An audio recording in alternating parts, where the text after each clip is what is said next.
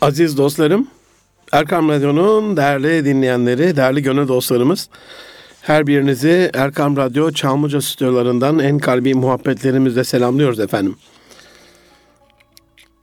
Erkam Radyo'da Münir Arıkan'la Nitelikli İnsan programında bu hafta size geçen haftadan yarım kalan ve bir hafta daha devam edeceğinin müjdesini verdiğimiz hayatımızın en önemli konularından bir tanesi olan, en önemli başarı desteklerinden bir tanesi olan karar almak mı, karar vermek mi, karar yapmak mı? Ama uzun oluyor diye e, karar verme sanatıyla alakalı programın ikinci bölümünü e, arz etmiş olacağız efendim.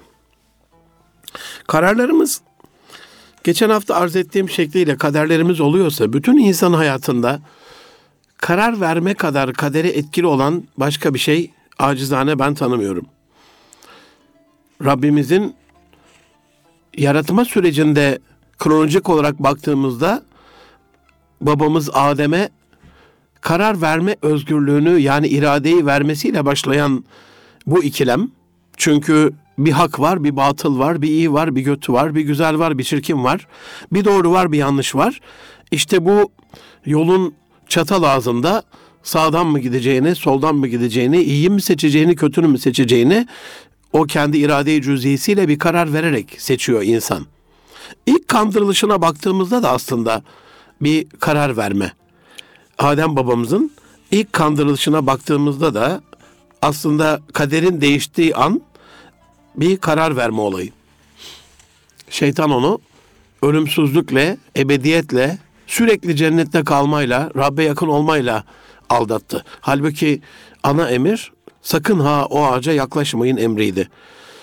Bir karar verdi Adem babamız ve Havva validemiz ve o kararın sonucuna da katlandı. Sonrasında dünya hayatı, dünya hayatında tevbelerinin kabulü, yıllar süren e, Rabbe olan münacatları, duaları ve tevbelerinin kabulü demek daha doğru olur. Ve ondan sonrasında da biz insanlar için başlayan imtihan. Devam eden süreçte Kabil ile Habil Aleyhisselam'ın arasındaki olay da bir karar verme olayı aslında. Yani kendisiyle alakalı ibadetinin kabulü ya da kabul edilmemesiyle alakalı bütün olaylar yaptığı seçimlerin ve verdiği kararların tabii bir sonucu değil mi? Kabil ile ilgili olan ve Habil Aleyhisselam'la ilgili olan şey.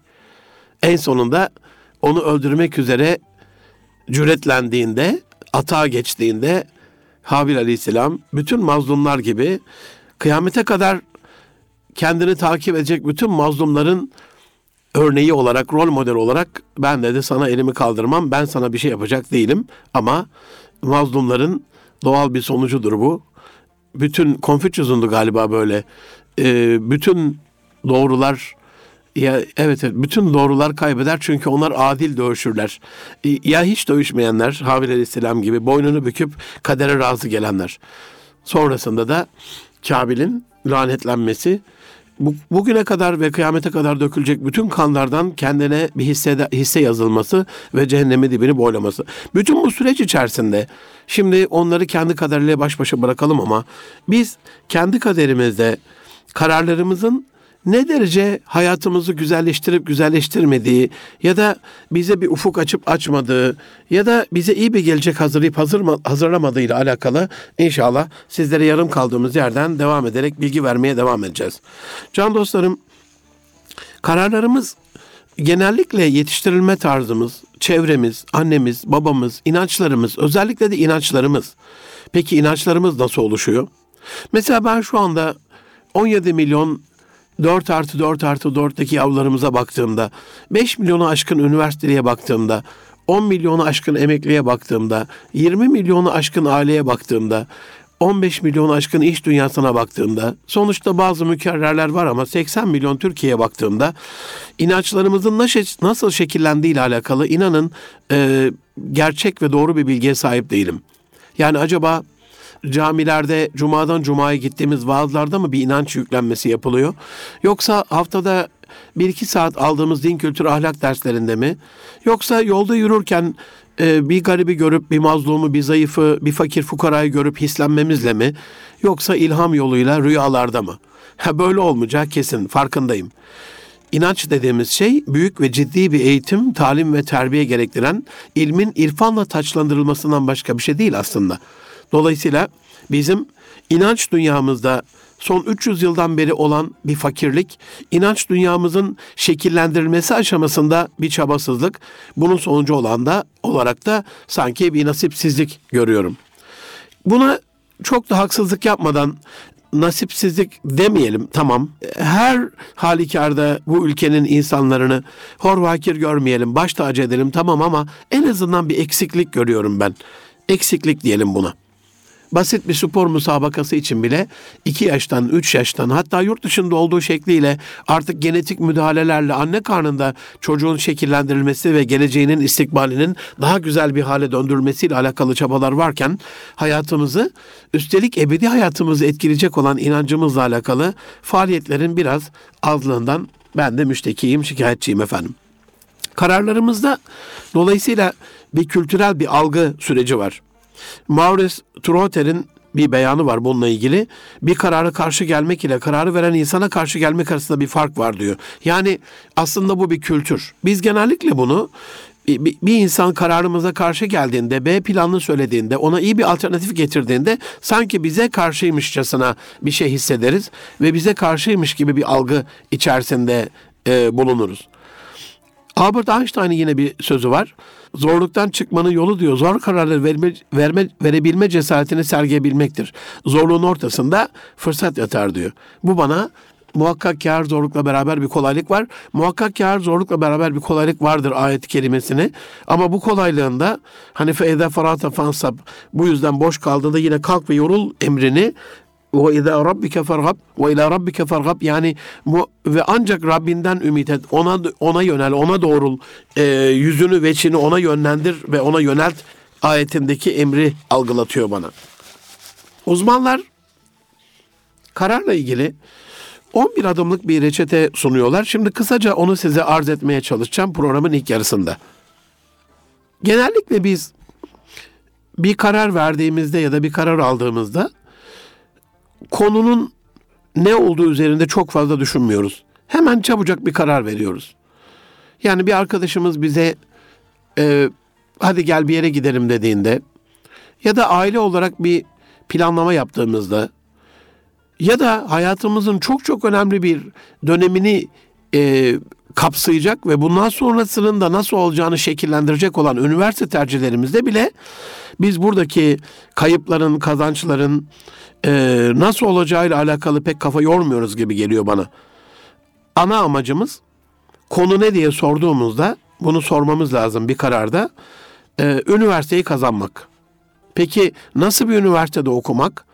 Karaktere uygun bir şey var mı? Hedefimiz ne? İyi bir bölümde okumak mı? Bu bölümle alakalı yeterli bilgim var mı? Ya da ben bununla alakalı bu bölümü kazanacak kadar çalıştım mı? Ya da bunlarla ilgili kime danışabilirim? İşte rehber öğretmenlere yeteri kadar ulaşabildim mi? Benden önce bu bölümü kazanan öğrencilerle konuştum mu?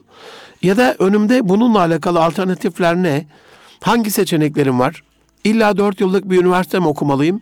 Yoksa hemen boşta kalmamak adına iki yıllık onu e, o bilgiyi ben, bende sağlayacak olan, o kariyeri yapmamı sağlayacak olan bir iki yıllık bölüm seçerek onu bitirip sonraki geçişte tekrar üçüncü, dördüncü sınıfı okuyabilir miyim? Ya da yani illa dört yıllık bir üniversite kazanmam şart değil. Kazansam da basit olarak açık öğretimi kazanabilirim. Ama ben bunu yurt dışı destekleriyle, yurt dışı eğitimlerle, yurt içi eğitimlerle birazcık daha kendi kişisel gelişimimle tamamlayarak, taşlandırarak destekleyebilirim. Ya da bunu yap yaparsam, bu bölümü tercih edersem, bu kariyer planını tercih edersem, bu sınava girersem e, sonuç ne olur? İnanın bunlarla alakalı çok fazla kafa yormuyoruz can dostlarım. Düşündüğümüz bir şey var. Mesela sonuç ne olabilir diye soran bir kardeşim kazanamazsam babam sanayiye verir diye düşünüyorsa ya da kazanamazsam bana kız vermezler ya da evlenemem ya da kendimi çok kötü hissederim diye düşünüyorsa e, bunlar sonuç değil. Acaba kendimi gerçekleştiremem, sevdiğim bir işi yapmış olamam, hayat amacımı gerçekleştiremem, e, güzel bir kariyer yapamam, baki kalan kubbede hoş bir seda bırakamam gibi, potansiyelimi gerçekleştiremem gibi bir e, sonuç varsa de değerlendirme, sonuçların değerlendirilmesi bu şekliyle ise evet bu insana bir başarı verir. Ama böyle değilse yüzeysel sati e, yorumlarla bu sonuçlara çok fazla ulaşmamış olur.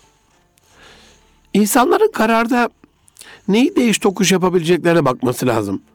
Yani üniversite mi, işe girmek mi yoksa bir girişim yapmak mı? Genellikle ben Türkiye'ye baktığımda insanların e, sevgili dostlarım Erkam Radyo'da Münir Arıkan'la Nitelik İnsan programındasınız. Hani bu bir üniversite tercih programı değil. Kararlarımızla ilgili konuşurken e, kaptırdım böyle gidiyorum. Ünü, mesela dedim hani üniversiteye girişle alakalı yavrularımızın geleceğini çok etkilediği için oradan bir örnek verdim. Ama bu örnekleri inanın evlilikle alakalı da yapabiliriz. Şimdi bu üniversite örneğini bitireyim. Ondan sonra tekrar bu 11 adımla ilgili evlilik tercihlerimize de bir bakalım isterseniz. Dolayısıyla yavrularımızın, çocuklarımızın önünde bir sınavı kazanayım hele var. Bunda da tabii hani dedik ya e, kararda kültürel bir algı vardır, çevresel bir etki vardır. Ya aman el ne der? Aman bizim çocuk kazanmadı demesinler. Aman arkadaşlara rezil olmayayım. İşte Münir Arıkan kazanmadı demesinler. Kaygı böyleyse bütün çaba da buna göre oluyor. Ele göre yaşayan da en sonunda elin kanamasıyla e, farklı bir sürece girmiş oluyor. Bizim buradaki amacımız kendi karakterimize, yeteneğimize uygun bir üniversite okumak mı? Yoksa kendimizi gerçekleştireceğimiz bir işe girmek mi? Mutlaka ben bu şirkette olmalıyım dediğimiz bir seçim mi? Yoksa e, kendi özümüzde var olan o girişimci ruhumuzla yeni bir girişim, yeni bir startup yapmak mı? İşte burada kafaların karışık olduğunu görüyorum. Çünkü insanlar önlerindeki belirsizliklerin farkında değiller. Belirsizlikler nereden olur bir insan hayatında? İnsanlar yeteneklerini bilmiyorlardır, potansiyelini keşfet, keşfetmemişlerdir ve bunun içinde belirsiz görünüyordur. Mesela şöyle bir şey düşünün. Hakkari'li bir çoban vardı hatırlayın. E, tıp fakültesini kazanan. Hatta kolsuz çoban diye çok meşhur oldu. E, yavrucak onun da hayatında çok farklı değişikliklere yol açtı. Hüküm verdiği bazı olumsuz kararlar ama maalesef takip edebildiğim kadarıyla umarım şimdi iyidir. E, mesela cerrah olmak istiyordu ama hiç e, YÖK içerisindeki üyeler ki içerisinde tanıdıklarım da var. Bir tanesiyle de hatta isim vermeyeyim. Şahsen bu konuyla alakalı konuştum. E, dertlendim. O da bana hak verdi. Abi dedim yani e, tek kolla çok tek kolla e, cerrah olmaz mı yani? Kim kim söylüyor bunu? O yavrucağın mezun olduğu dönemde tıpta uzmanlık sınavını verip ihtisas yaptığı dönemde kendi cerrahi operasyonlarıyla alakalı en güzel şekliyle tek koluyla bile e, ameliyatları yapabileceği robotik cerrahi, robotik destekli e, cerrahi ya da robotik navigasyonla cerrahi çok kolay olacak. Ya Münir'cüm dedi aslında ben de bunu söyledim ama YÖK'teki birkaç üyeye ama gücümü yetiremedim demişti. Aynı burada olduğu gibi eğer bir insan kendi yeteneklerinin farkındaysa mutlaka cerrah olmak istiyorsa onun tek kollu ya da çift kollu olması e, ya da şu anda çoban olması ya da olmaması hiç önemli değil. Bir şekliyle o potansiyelini gerçekleştirecektir. Hiç yapamazsa hiç yapamazsa en azından tıbba yakın bir alanda yer alacaktır. Bir laboratuvarda çalışacaktır, bir hastanede çalışacaktır. Hiçbir şey yapamıyorsa girişimci olarak doktorları bulup bir hastane kuracak, oranın işletmecisi olacaktır. Yani e, o konusundan uzaklaşmayacaktır. Bütün bu e, kararlar içerisinde çok farkına varmadığımız bir unsur daha var karar verme sürecinde. Risk toleransını bilmiyoruz. Yani mesela e, elimizde diyelim 10 bin lira olsun. Bununla bir girişim yaparsak para da kazanabiliriz ya da başarısız da olabiliriz. Mesela işte yaz dönemi geliyor dostlarım. Diyelim bir anne baba e, küçük bir birikimdir bu. Bazılarımıza göre çok büyük olabilir ama hani anne babanın çalıştığını düşünüyorum. Bir yılda yerine koyabilecekleri bir şey gibi geliyor bana 10 bin lira. Ama bunu 10 bin lirayı bir yılda yerine koyamayacak ailenin de olduğunu biliyorum ama 100 bin lira demedim o açıdan. Hani 100 bin çok büyük.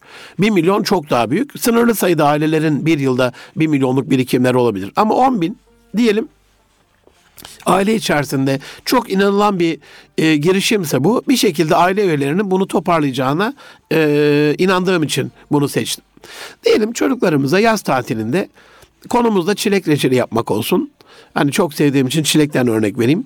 Memlekete gittiklerinde o Osmanlı dağ çileğiyle o raihalı, özlü, leblebi tanesi kadar küçücük ve e, yoğunluğunu hiç bozmayan, eriyip gitmeyen, kendi şeklini şemalde reçel içinde o kadar kaynatılmasına rağmen koruyan Osmanlı çilekleriyle diyelim bir reçel yaptıracağız.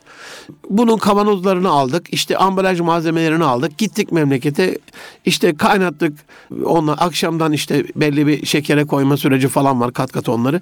Diyelim ona, o süreçten sonra da kaynattık, işte kavanozladık. Onlar soğuduktan sonra ve diyelim şekeri çok fazla oldu.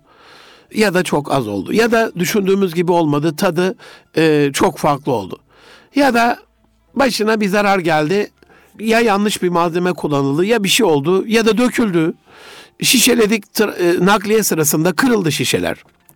Şimdi bir karar verdik ya biz ilk başta 10 bin lirayla bir girişim yapacağız.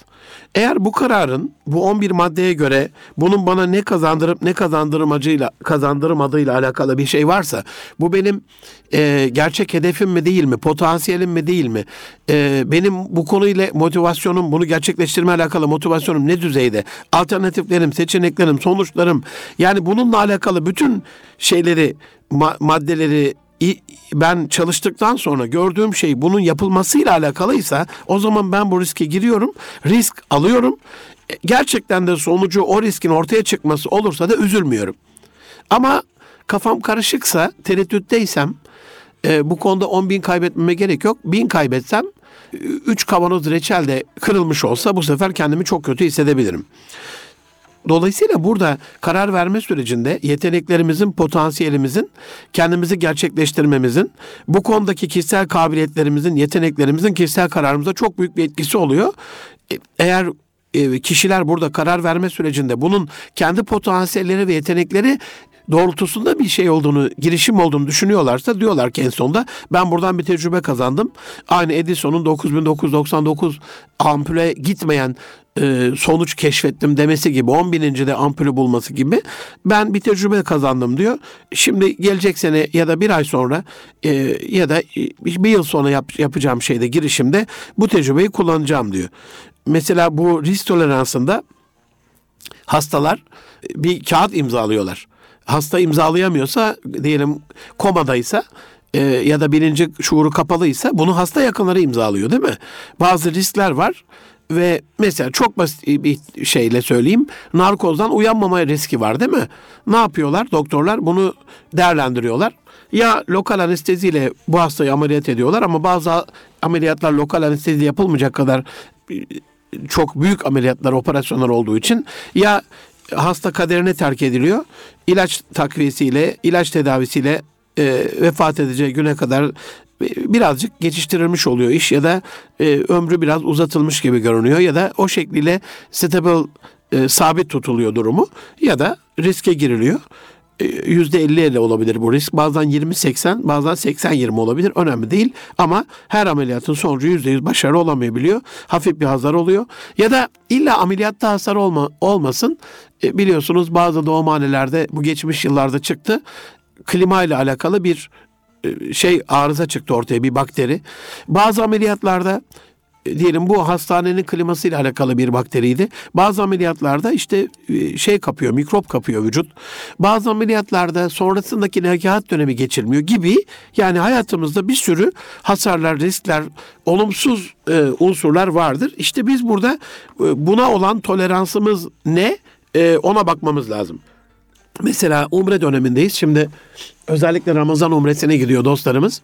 Başladı yavaş yavaş. İşte Berat umresindeler. Berat umresine şimdi gelecekler bu hafta gerçi ama dostlar. Ramazan umresinde diyelim işte çok kalabalık olacak.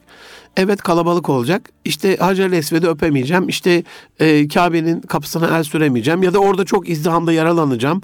İşte Mina'da Müzdelife'de şeytan taşlarken işte şurada burada. E, evet Arafat'ta işte vakfede.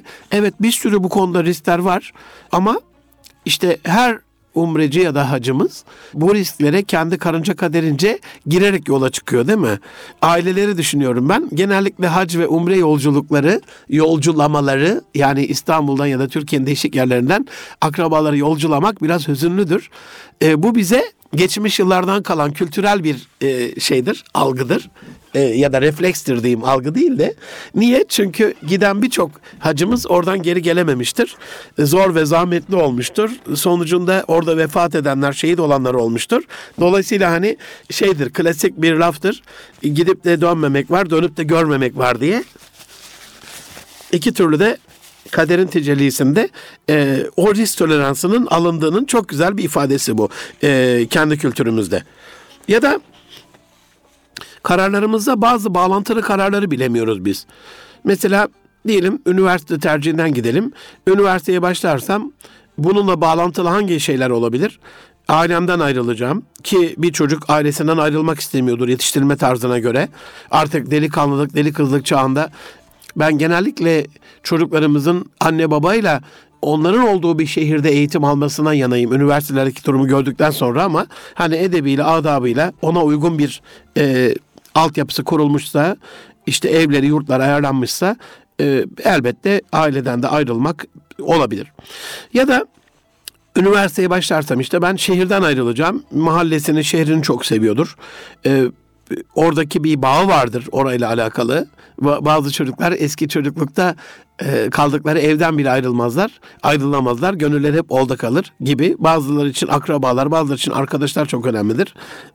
Dolayısıyla böyle bir ayrılık da yani bir karar verdiğimizde biz o o kararı etkileyen hangi bağlantılı kararlar oluşuyor? Sonra biz bu bağlantılı kararlarda sonucun riskin ne olduğuyla alakalı e, acaba bir değerlendirme yapıyor muyuz, yapmıyor muyuz? Yani attığımız taş ürküttüğümüz kurbağa değiyor mu? Karar aşamasında bu da bizim için çok önemli oluyor.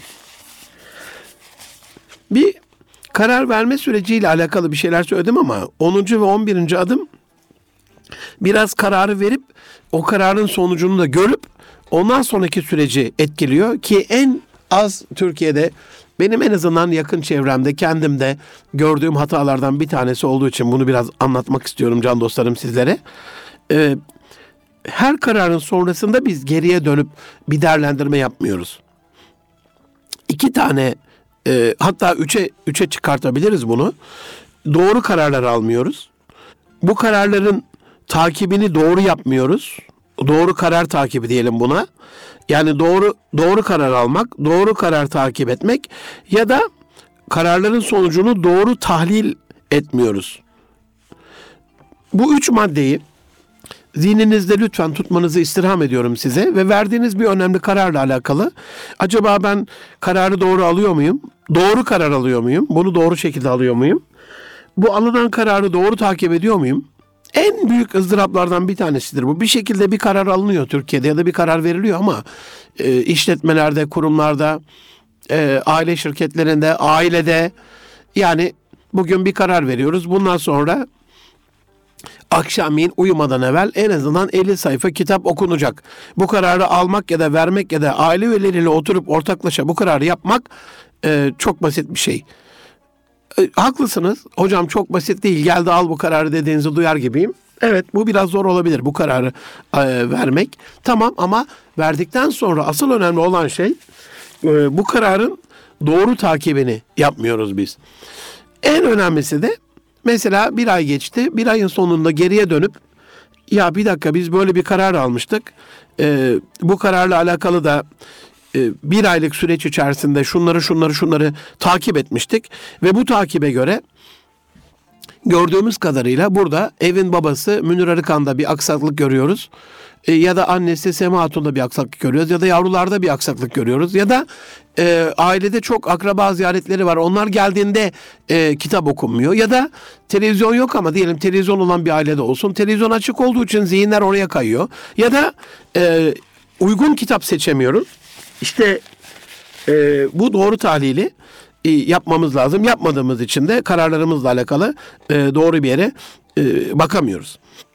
Dolayısıyla bizim son olarak bu 11 adımlık şeyde e, ben neleri doğru yaptığımı, neleri yanlış yaptığımı, en önemlisi de her kararın sonucunda geriye dönüp ben bundan ne öğrendiğimi e, değerlendirmemiz lazım. Karar vermede 11 adımlık bir değerlendirme sürecini üniversite tercihini yapacak bir gencimizin gözünden size arz etmiştim ama kısaca bunun bir aile kararlarıyla alakalı da üzerinden geçebiliriz. Mesela diyelim yavrunuzu istediler diyelim kızınızı istediler ya da oğlunuza bir kız istediniz.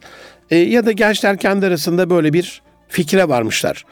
Hangi tarzı olursa olsun ister görücü usulüyle ister kendi gençlerin kendi görgüsüyle görmesiyle e, biz bu kararlarımızda neyin kazanç ya da kayıp olduğunu, hedefimizin ne olduğunu, bu evlilikten hani aşkın gözü kördür derler ya, lodoslama dalarız böyle. Niye bu, bunca boşanma var? Hiç bunu düşünmeyiz. O ilk heyecanın, ilk görüşte aşkın kısa süreli devam edeceğini, asıl kalıcı şeyin ahlak olduğunu, edep olduğunu, çok daha asıl kalıcı olan şeyin inanç olduğunu, dini bir değer olduğunu, el, elimizin yeşermesiyle alakalı özellikle eşlerimizin ahlaki ve kültürel değerleri olduğunu göz ardı ederiz. Bunu pek değerlendirmeyiz. Dolayısıyla hani e, asıl cıngar da şuradan kopuyor benim gördüğüm kadarıyla. Evlilikte evliliğe bakışımızın bir amaç mı araç mı olduğunu, amaç olduğunda gerçekleştiriyorlar ve sönüyor her şey. Ama bunu bir araç olarak görenler, ha şimdi oturup bu kararın bizim evliliğimiz bir araç. O zaman neyle ilgili bir araç? Şimdi o zaman bu ailenin evli, evlendikten sonraki dönemde demek ki eşiyle alakalı yapacağı bazı şeyler var. Çocuk yetiştirmek olabilir bu, akrabalara destek olabilir bu, birbirine destek olarak çok önemli bir konuda bir başarı olabilir bu. Ya da iyi bir aile örneğini insanlara göstermek olabilir bu. En önemli unsurlardan bir tanesi konuyla alakalı yeterli bilgim var mı? Mesela diyelim oğlumuza kız isteyeceğiz ve e, gelin hanımefendi ile alakalı, adayla alakalı bilgimiz yok. Bir de bu şöyle bir kültürel bir yanlışın içerisindeyiz, yanılgının içerisindeyiz. Diyelim bununla alakalı araştırma yapacağız. Ee, aman efendim güvenmiyor musunuz? Ben geçenlerde bir ağabeyime yazdım. Ailemizin yakın bir üyesinin bir evliliğiyle alakalı hanımefendiyi araştırmamız gerekiyordu ki bu bizim üzerimize bir mükellefiyet. Canım abim dedim. O da aradı çok çok müteşekkir olduğunu, böyle bir ifadeyi ilk defa ömründe gördüğünü o kadar dua etti ki anlatamam. Şöyle yazmıştım ona canım abim demiştim. Bu hanımefendiye talibiz, ailemizin bir üyesi. Uzak bir akrabamız ama işte onlar tanıyor birbirini. Dolayısıyla siz de onların yakınlarısınız. Çocukluğundan bu yana önemli kilometre taşlarını bilmek istiyoruz. Öyle şeyler söyleyin ki bu evliliğe olan inancımız artsın, gençlerin birbirine olan aşkı artsın, muhabbeti artsın. Aradı beni hemen Münir'cim dedi ben ilk defa böyle bir ifadeyle karşılaşıyorum. Genellikle işte öyle bir şeyler söyle ki bir yanlışımız varsa yanlıştan dönelim. Öyle oluyor. Ee, şöyle düşünmemiz lazım. Araştırmayı şöyle yapmamız lazım evlilikle alakalı. Yarın bir gün e, Ruzu Mahşer'de bu araştırmayla alakalı sorma şeklimizin aday ol, olan ya da bizim talip olduğumuz bir akrabamızla alakalı talip olduğumuz gelin adayı hanımefendinin de bir gün duyacağını ve onu da rencide etmememiz gerektiğini işte o nezaketle olmalı. Özellikle onu söylüyorum. İşte yeterli bilgim var mı? Kime sorabilirim? Kimden araştırabilirim? Bununla alakalı hani üniversitede dedik ya benden evvel bu bölümü kazananlarla ilgili işte evlilikle ilgili de benden evvel evlen benden evvel evlenenlerle ilgili gidip evlilik nasıl bir şey, eşin gönlü nasıl alınır, kayınvalide nasıl yönetilir, değil mi? Gönlü nasıl alınır? Bunları şey yapmam lazım, sormam lazım. Önemli bir unsur biz evlilikle ilgili sonuçlara bakmıyoruz. Hani evlenirsem ne olur bu adayla, evlenmezsem ne olur? Ondan sonra niye kendimi kötü hissederim ya da iyi hissederim? Bu benim için olan bir şey mi? Eş adayım için olan bir şey mi? Annem için babam için olan bir şey mi? E, bu da bir kültürel yanılgı. Türkiye'de genellikle anne baba kaygısıyla ya da çevre baskısıyla evlenildiğini görüyorum ben. İşte vakti geçti. Tabii ki erken evlilikten yanayım. Tabii ki ne kadar erkense o kadar iyi. Kültürel çerçevede kalmak kaydıyla ne kadar erken e, dediğim e, can dostlarım herhalde bu 3-5 yaş değil. Lütfen siz de zaten öyle anlamazsınız ama şimdi çarpı sözlerin çok çarpıtıldığı bir ülkede yaşıyoruz. O anlamda kültürel kodlarımızla alakalı mesela bunun evlilik yaşı 18 ise işte 18 ne kadar erken o kadar iyi. Bu 28-38 olduğunda biyolojik olarak bir kere iş daha kötüye doğru gidiyor. Hanımefendinin doğurganlığı, doğrulan çocuğun genetik olan kalitesi düşmüş oluyor. Doğumdaki riskler artmış oluyor. Yavrularımıza çıkacak arızalar artmış oluyor gibi o anlamda. Ama hani evlenirsem ne olur, evlenmezse ne olur, bunun sonuçları ne olur? Ee, bununla alakalı hep el ne der kaygısı zihinde olduğu için e, gençler kendilerini çok güzel bir şekilde değerlendiremiyorlar. E, belirsizlikleri tartamıyorlar gönüllerinde. Bununla alakalı risk toleransını ortaya koyamıyorlar. Yani mesela bir adayı var ve bununla alakalı bir karar verecekler. Peki hanımefendi de de diyelim bu kararı verecek olan beyefendi olsun. Genç delikanlı olsun ve kızcağızla alakalı bir karar verecek diyelim. Ama onun da bir kusuru olsun. Yani kusursuz bir şey yok. Melek mi alıyor? Ee, insandır. Kul kusursuz olmaz. Buradaki şey acaba ben bu kusuru telafi edebilir miyim? Bu kusuru bu kusurla yaşamaya devam edebilir miyim? Yoksa buna sabırsız mı olurum? İşte bunu değerlendirmesi lazım. Ben bir ara aile programında arz etmiştim sizlere. Yakın çevremde ve akrabalarımda gördüm bunun birkaç örneğini. İki örnek gördüm. Ee, bir tanesi e, evlenmeden evvel işte bu risk toleransını anlatıyorum ya size. Toleranssız bir akrabam risk ortaya çıktığında hanımefendinin Sara olduğu ortaya çıktığında gidip ertesi gün babasının kapısına koymuştu. İkincisinde de ölene kadar ona bakmıştı. İki olay bakın kararlarımız nasıl oluyor? Kader şekilleniyor işte. Birincisinde kararı kafadan ver, vermediği için e, hiçbir riske girmeyen bir bakış açısı. İkinci de ölümüne ölene kadar aynı yastıkta baş koyarak o riske giren birisi. Biz bu kararın 11 adımdaki şeyini ailede ve üniversiteyle alakalı iki örnek verdikten sonra can dostlarım karar vermede e, en çok zorlandığımız yerlerden bir tanesi tetikleyicilerimizi bilmiyoruz. Yani mesela şöyle düşünün. Bu yıl hacca gitmek istiyor bir insan. Şöyle bir zihniyet olabilir. Aman mesela bu genç olsun. Aman bu yıl olması öbür yıl olur. Önümde daha 10 yıl var, 20 yıl var, 30 yıl var, 50 yıl var. Ama diyelim bu gencimiz bir rüya görsün ve gerçekten de rüyasının arada gerçekten çıktığını gören tecrübeyle sabit olan bir şey olsun. Hani bir şeyler görüyor ve bu çıkıyor. Gönlü güzel bir insan olsun. Ve rüyasında da iki yıl, üç yıl içerisinde öleceğini ve bir şekilde bazen olur böyle duyarız çevremizde. İlla rüyadan değil. Uyanıkken de bir ses gelir mesela diyelim. Buna da hacca git densin. Hani çağrılmadan git, gidilmez derler ya diyelim böyle bir ulvi bir çağrıyı ya da hiç ya böyle şey şeyler teolojik böyle e, senaryolar yazmayalım. Bir arkadaşı desin ki kardeşim senin bu yıl hacca gitmen çok hayırlı. Bu yıl gitmen senin kişiliğinle karakterinle alakalı çok önemli sonuçlar doğuracak. Bu da güvendiği birisi olsun. Ne oldu şimdi?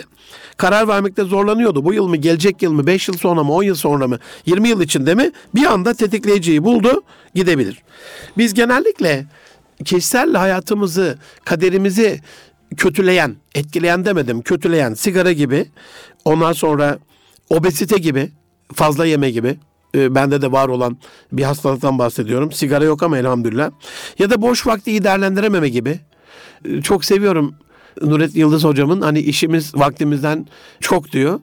Hani ölene kadar insanın işinin planlı olması, yazılı olması ve bunları yavaş yavaş yavaş halletme ile ilgili hızlı hızlı çabanın içinde olması, yıllık planlarımızın var olması işte o anlamda. O cıngılı, o sloganı o anlamda çok seviyorum. Eğer biz bu sigarayla alakalı ben şimdi kendi e, kötü örneğimi de arz edeceğim biraz sonra size fazla yeme alışkanlığımla alakalı. E, ne olur kendimi buradan e, ağrı kılmıyorum. Ben de bu e, kul kusursuz olmaz hükmüyle kusurların içerisinde ama mikrofon bana tutulmuş bir günahkar garip kardeşiniz olarak bu stüdyoda bulunuyorum. E, hocam sigarayı anlatıyorsun biraz da bu fazla yeme antepli olarak abur cuburlardan bahset dediğinizi duyar gibiyim. Mesela sigarayla alakalı eğer tetikleyici olarak biz kanser vakalarını çok sık duyuyorsak e, ya da e, çocuklarımızın babasız kalmasıyla alakalı hani duygusal bir yönümüz var da ya acaba böyle mi oluyor şöyle mi oluyor diyorsak ya da bununla alakalı işte eli kesilen ayağı kesilen bir hasta görmüşsek ya da bunun gerçekten e, bir ulema tarafından haram olduğu ile alakalı bilinçlendirilmişsek işte bu bir ana tetikleyici oluyor. E, ama bütün bu tetikleyicilerin içerisinde çok önemli bir tetikleyici var eşlerimiz ben aile içerisinde sigarayı bırakma konusunda çocuklar ve eşlerden daha etkili bir, bir tetikleyici görmedim. Eğer hanımefendi diyorsa ki ya sigara ya ben o sigara mutlaka bırakılıyor. Eğer çocuk diyorsa baba artık yeter yoksa ben e, diyelim çocukla sigaraya içecek e, çağdaysa sigara içecek bir çağ yok gerçi de diyelim işte 13-14 yaşında asla içmemesi gereken bir durumda ama diyorsa ki babaya eğer sen bunu bırakmıyorsan ya da anneye şimdi anneler de içiyor maalesef ben de başlayacağım gizli gizli içerim görürsünüz diyorsa bu korkuyla anne babanın bir an evvel o sigarayı bıraktığını görüyorum. Gelelim bendenize var olan bu kusurla alakalı bir itiraf da gerekiyor. Ben zaman zaman düşünüyorum dostlarım. Ben bu konuda karar vermekte zorlanmıyorum. Kesinlikle fazla kilonun yük olduğunu, fazla yemenin haram olduğunu bilincindeyim. Ama tetikleyicilerle alakalı da elimizde her ne kadar iyi tetikleyici olsa da zaman zaman bunun uyulmasıyla alakalı zorluklar yaşıyoruz. En önemli unsur kararı erteliyoruz. Yani işte yaz gelsin işte şifa orucu yaparız. 25 günde nasıl olsa 25 kilo veriliyor su orucu. İşte bu 2-3 yıldan beri ertelediğim bir şey. Bu yıl inşallah dua edin yapmayı planlıyorum. Size de bunun bilgisini veririm. Ee, dolayısıyla tetikleyici var. Resulullah Efendimizin hani e, acıkmadan oturmayın sofraya, doymadan kalkın. İşte üçte birini dolduralımla alakalı Üçte birini midemizin yemekle dolduralım, üçte birini suyla, üçte birini havayla dolduralım gibi bir şeyimiz var. Dolayısıyla buna uyma kısmında e, ne yapıyoruz? Bir karar verirken bunlara uyuyoruz aslında ama bütün bunları gözümüzde değerlendirip tetikleyici de kullanmamıza rağmen bazen kararlarda dopamin etkisinde kalabiliyoruz. Serotonin etkisinde kalabiliyoruz. O anda yemek yemenin verdiği zevke yenilmiş olabiliyoruz. Bunu çok ayrı bir programda inşallah konunun uzmanı bir dostumu da davet ederek size açıklamak istiyorum. Bu kararlarımızı çok çok etkileyen bir unsur. Yani o andaki geçici keyfi ileride elde edeceğimiz kalıcı daha büyük bir keyfe yendiriyoruz ya da mağlup e, tutuyoruz o andaki geçici keyfi özür dilerim galip tutuyoruz. Yendiriyoruz öbür öbür zevkimize. Ee, o zaman da bu karar biraz ertelenen bir karar oluyor. En kötü şeyin kararlarımızla alakalı bir kararın size empoze edilmesine kadar beklemek olduğunda bilmemiz gerekiyor. Yani biz karar vermediğimiz zaman bileceğiz ki bir gün birileri bizimle alakalı bir karar verecek. Ee, bu mesela kendimizi geliştirme, yetiştirme ile alakalı bir şey olsun. Dil öğrenme ile ilgili bir şey olsun dil öğrenmediğimizde yarın bir gün öyle bir şey olacak ki girdiğimiz şirkette, okuduğumuz okulda veya da bulunduğumuz aile içerisinde yavrularımızdan kaynaklanan bir zorlamayla o dili öğrenmek zorunda kalacağız gibi geliyor bana. Karar vermedeki sürüncemenin en büyük sebebinin dostlarım kişilerin kendi değerlerini netleştirememiş olması olduğunu görüyorum ben değerlerimiz netse mesela en son e, Türk Silahlı Kuvvetleri'nin kahraman Mehmetçiğimizin şehitlerimizi de buradan rahmetle minnetle yad edelim. E, gazilerimizi minnetle şehitlerimizi rahmetle yad edelim.